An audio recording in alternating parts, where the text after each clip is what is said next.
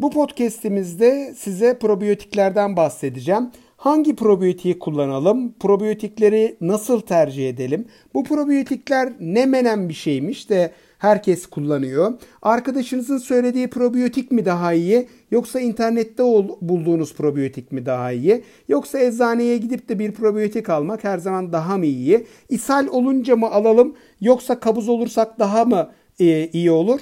Daha neler neler dinleyeceksiniz bu probiyotikte. E, dolayısıyla şimdi isterseniz bir probiyotik e, durumuna bir el atalım ve bir dinleyelim bakalım. Şimdi probiyotik nedir? İlk önce ona bakmak gerekiyor. Probiyotik e, vücudumuzda yaşayan aslında iyi huylu canlılar.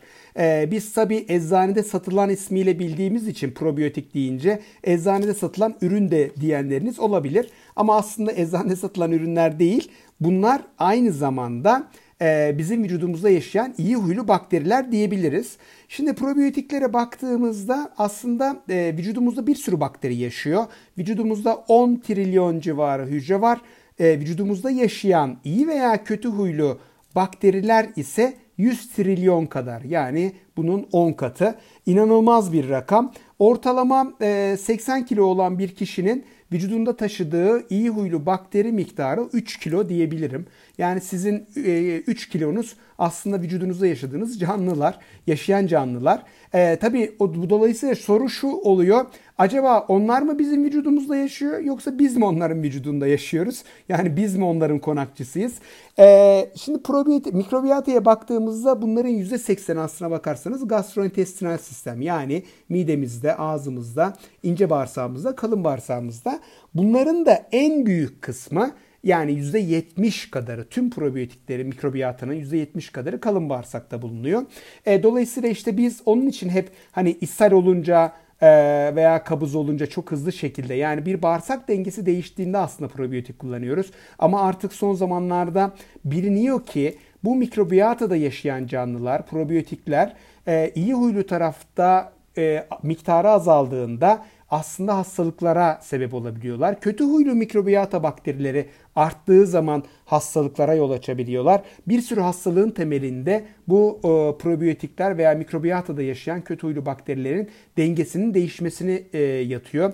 E, romatizmal hastalıklar, vücudumuzda ortaya çıkan kansere yol açabilecek birçok faktör, e, çünkü probiyotik denge değiştiği zaman e, vücudumuzda sindirim yeterli olmuyor. Toksin ve ağır metaller direkt olarak sindirim de yeterli olmadığı için vücudumuza alınabiliyor. Geçirgen bağırsak hastalığına yol açılabiliyor. Ee, ve dolayısıyla bir sürü hastalığın da altına yatan faktör oluyor. Sadece ishal gibi düşünmeyin yani bunu. Ee, son zamanlarda mesela kısırlığa bile probiyotik dengenin değişmesinin ilk başlangıç nedeni olduğu düşünülmeye başladı.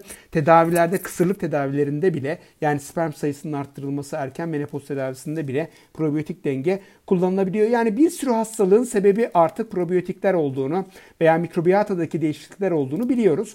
Burada da işte probiyotikler iyi huyların miktarının azalması veya miktarının çok fazla artması da bizim normal sistemimizi değiştiren önemli bir faktör oluyor. Burada peki biz probiyotik e, kullandığımız zaman iyi bir şey olur mu? Yani biz probiyotik kullanırken kullanırsak probiyotikleri e, sağlıklı bir şey yapar mıyız? Hasta olduğumuzda mı kullanmalıyız yoksa e, sağlıklı iken de kullanırsak fayda sağlar mı? Şimdi bunları anlatmaya başlayayım. Şimdi probiyotik e, de genelde maalesef ki en fazla yapılan yanlış e, hep internette okulunan veya arkadaşınızdan duyduğunuz şeyleri kullanıyor olmanız. Ya genelde işte ishal olduğunuzda ya ben işte şöyle bir ilaç kullanmıştım anında ishali kesti. Ya çocuklarda şunu kullanırsak çok daha akıllı oluyormuş. E, şu e, probiyotiği kullandık kabızlığa iyi geldi diye çok fazla kullanım var. Ama doğru probiyotiği tercih etmek gerçekten e, aslına bakarsanız çok da basit. Bu podcast dinleyen bir kişi çok rahatlıkla doğru e, probiyotiği tercih edecektir. E, probiyotiği tercih ederken neye dikkat etmemiz gerekiyor? Yani eczaneye gittiniz veya internette bakıyorsunuz hangi probiyotiği alalım? Bir kere şimdi e, 4 tane 5 tane özellik var probiyotik seçiminde. Birincisi hangi mikroorganizmayı taşıdığı yani probiyotikler içerisinde hangi mikroorganizmayı biz e, kullanırsak e, daha iyi olur. E, içerirsek bunu kullanırsak daha iyi olur. Buna dikkat etmemiz gerekiyor. İkinci önemli konu probiyotiklerindeki organizmaların sayısı. Yani e, biz işte atıyorum 100 bin tane probiyotik alırsak bazen bunun hiç etkisi olmuyor. 10 milyar probiyotikte çok fazla miktarda gelebiliyor. Onun için sayısı oldukça önemli. Bir diğer önemli konu probiyotiklerin nasıl saklandığı. Çünkü sonuçta probiyotiğin içerisinde, probiyotik ürünün içerisinde olan şeyler canlılar, iyi huylu bakteriler. Bu bakteriler ışığa karşı çok hassaslar. Ee, eğer ışık gören bir ambalajı varsa e, tabii ki e, çok etkili olmuyor. Veya e, bu probiyotikler e, güneşe, ısıya karşı da hassaslar. Yani çok sıcak şekilde e, olursa maalesef ki çok etkisiz oluyor. Dolayısıyla saklama koşulları da burada çok önemli hale geliyor. Yani probiyotik üretildikten sonra eczanede nasıl saklandı veya siz nasıl sakladınız bunlar oldukça önemli hale geliyor. Bir de probiyotiği güvendiğiniz yerden almak gerekiyor. Çünkü bu probiyotiklerin ürün haline getirilmesi aşaması da oldukça önemli.